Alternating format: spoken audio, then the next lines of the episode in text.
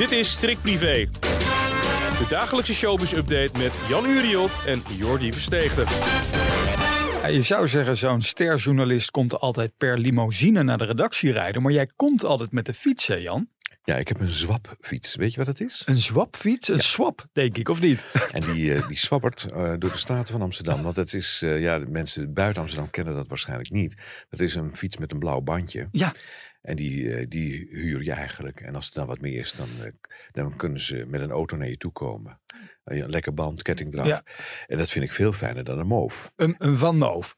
Je bent wel lekker, je zit wel in de fietsberken, hè Jan? Het, eh, ik, vind het, eh, ik vind het trouwens sowieso een belachelijk bedrag wat je daarvoor moet neerleggen. 3500 euro kost zo'n zo'n eh, Van Moof. Ja, niet te geloven, hè? En eh, nu, ja, er is uitstel van betaling bij, dat, bij die firma gevraagd. Ja. Eh, vorige week was er al zo'n bericht van dat de mensen, want er mankeert van alles aan die fietsen. Ja. En die reparaties duren lang. En er is maar een bepaald sleuteltje wat, eh, wat eh, op dat fietsje past om, eh, om het te repareren. Dus Ja. toen hebben ze gezegd, nou, je kunt nu ook tegenwoordig bij QuickFit, want die hebben ze ook sleuteltjes gegeven. dus dan kon je naar de QuickFit toe. Maar nu is het gewoon, waarschijnlijk is de hele boel failliet. Ja. En Katja Schuurman vraagt zich bijvoorbeeld af, waar, waar moet ik heen? Want haar fiets is al tien maanden in de reparatie.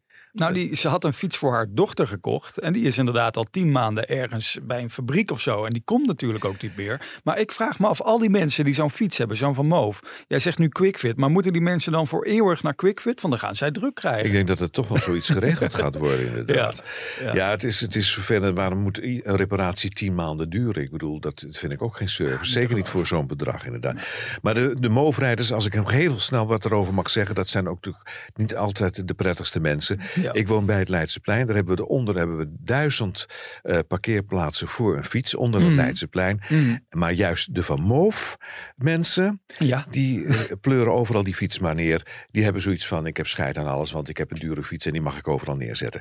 Dat dus bij deze de oproep, eh, mocht je Jan tegenkomen, flik het niet om daar je fiets ergens neer te pleuren. Want dan word je hartstikke boos, Jan. Nou, dan gooi ik hem de gracht in, hè? En voortaan maar weer met je limousine naar het werk. Ehm, nou, we hebben het de hele week in deze podcast natuurlijk al over B&B vol liefde. Ik weet niet hoe het bij jou zit, maar ik vul daar echt mijn hele avonden mee tegenwoordig. Ja, het is leuk. Maar gisteren heb ik toch even een uurtje gevonden om ook even naar het interview met Nicoleke te kijken. Nicoleke natuurlijk de ex van Peter Gillis. Er Ja. is maar één Nicole in showbizland. Ja. Ik vond het wel opmerkelijk hoor, dat ze een interview gaf bij Roddelpraat Mhm. van eh, Jan Roos en Dennis Schouten. Is het nou wel zo verstandig om daar te gaan zitten? Ik denk niet af. dat het een handig is. Nee. Want ze heeft, eh, ze heeft een rechtszaak aangespannen tegen Peter. Ja. Het lijkt me dat beter dat je even je mond houdt. Ja. En even afwacht hoe, dat, hoe die zaak gaat. Ja. Alles kan tegen je gebruikt worden. En dat zal, zal ook gebeuren. Ik bedoel, de advocaten van, van Peter die zullen denken van... wat zegt zij daar nou? Oh, dan gaan we die terugpakken. Nou- Aan de andere kant is het ook zo, want jij hebt een beetje ingesproken. Ik heb er zelf niet naar geluisterd.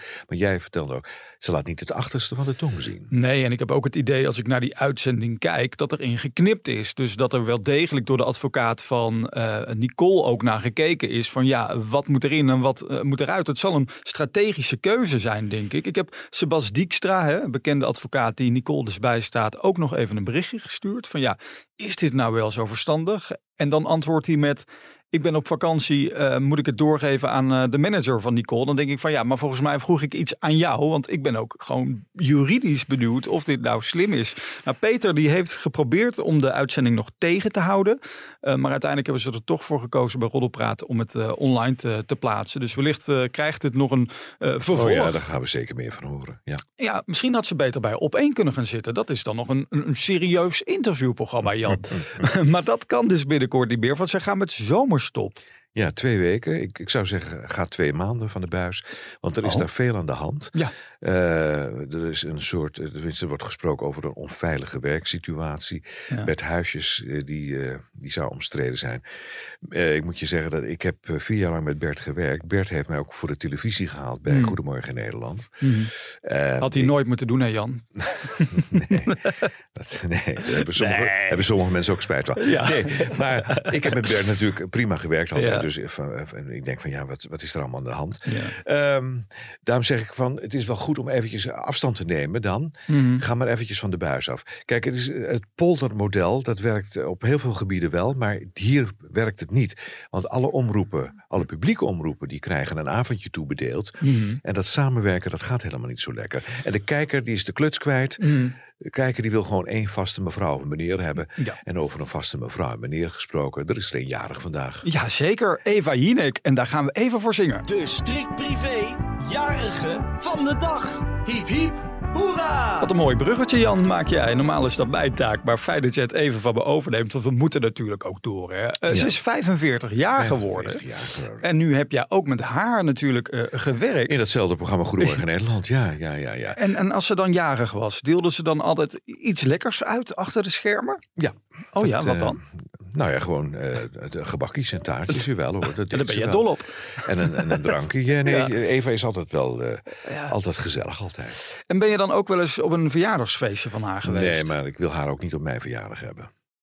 Oh, wa- je schudt in één keer zo, ja, we moeten door. Nee, maar dit wil ik even weten. Hebben jullie eh, een conflict dan ja, maar dat heb ik al zo vaak verteld. Nee, ja, maar niet Dan moeten de... de mensen maar de afleveringen van Wat vindt Jan eens terugkijken. Ik heb het al vaak gehad over dat zij mijn poes wilde laten opvreten door de varaan van Johan. Omdat wij een conflict hadden. Maar dat is allemaal uitgesproken met Eva, dus ik ben weer goed met hen. En ik wil niet dat jij nu hier weer gaat zitten wrijven in een vlek. Oké, Eva, als je luistert, eh, hopelijk kunnen we je nog even bellen morgen in de podcast. Want ik wil ook wel even haar kant van het verhaal horen, Jan. Die kans moet je me dan ook wel even. Dan ga ik je echt niet bellen, dat weet ik zeker. Zou ze op vakantie zijn? Nee, ze is met zwangerschapsverlof natuurlijk. Dus ehm, van harte gefeliciteerd, Eva, zeggen we bij deze maar even. Tot slot, Jan, moeten we het nog even hebben over het Songfestival. Oh, wil je me Oh. kwaad hebben? Oh, Nou, je man, bent man, al een beetje kwaad. Ik ben er zo boos over. Ja, Kijk, ik bedoel, eh, als publieke omroep, dan moet je gewoon ook luisteren naar het volk wat mede betaalt aan, aan jouw uitzendingen. Mhm. We betalen allemaal mee aan die uitzendingen. ja. En we worden gewoon genegeerd. Mhm. Geef het Songfestival terug aan het Nederlandse volk. Laat Ja. ze meebeslissen. Dat is de roep ook van heel veel mensen. Mhm. Nee, het wordt nu toch weer door voortgezet door zes mensen en eh, achterkamertjes toestanden. Selectiecommissie. Het ja. is allemaal prima wat je allemaal wil. Maar ik heb nog steeds geen antwoord gekregen Mhm. op het volgende. Uit 400 uitze- eh, inzendingen van liedjes vorig jaar... Mhm. werd nou juist het liedje van Duncan Lawrence gekozen. Waren die andere 399 liedjes nou zo vreselijk slecht? Het gaat er bij mij gewoon niet in. En er is nooit een uitleg gegeven hoe dat is, tot stand is gekomen. Ja. Hoe zijn ze bij die Duncan gekomen? En juist dat liedje. Ja, maar ja, Duncan en Mia en Dion die zijn depressief achtergebleven, hebben we gelezen. Dus ik denk dat de, de Avrotros heeft gedacht van ja, we gaan, hè, we gaan niet verder wrijven in die vlek. We gaan het daar niet meer over Nee. hebben. We moeten door, we moeten met het gezicht vooruit. Ik zeg niet dat dat goed is. Nee, maar wat hier gebeurt is gewoon dat eh, hier worden mensen gered. Die Mhm. mensen die in die commissie zitten, ik hoef ze niet allemaal op te noemen. Cornel Maas onder andere. Ja, Nou, noem jij ze dan, nou doe ik die anderen dan ja, ook nee, die even. ja Hila Noorzaai onder andere. eh, van, van, eh, van eh, wat is het? dat programma wat één vandaag presenteert ze. En voor de rest kennen. Zou jij in die selectiecommissie willen? Nee, Jij dat moeten we allemaal niet willen. Waarom niet? Nee, gewoon Je hebt er het volk verstand van? Ja, Oké. ik, ik heb er heel veel verstand van. Nee, maar dat moet, daar moeten ze een keer een goed antwoord op komen, vind ik. En, en die mensen worden nu beschermd, dat wou ik even zeggen. Ja. Omdat ze, ze vinden het dan gezichtsverlies voor die mensen die in die commissie zitten. En daarom hebben ze gezegd van we gaan nu even geen dingen handelen. Want dan, dan krijgen we natuurlijk met z'n allen gelijk. Mm. Als inderdaad de, de familie eh, Maas inderdaad aan de kant wordt geschoven. We gaan het eh, allemaal volgen. Douwe Bob onder andere heeft nu gezegd dat hij ook wel weer zou willen voor de tweede keer naar het Songfestival. Nou, dat is ook mijn favoriet niet, maar goed. Hmm, Oké.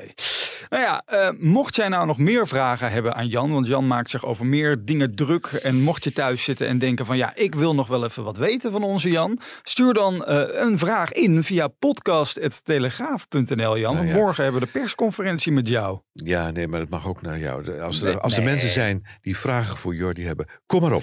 Ik denk het niet, behalve bij moeder. Maar goed, dat komt wel goed. Jan, tot morgen.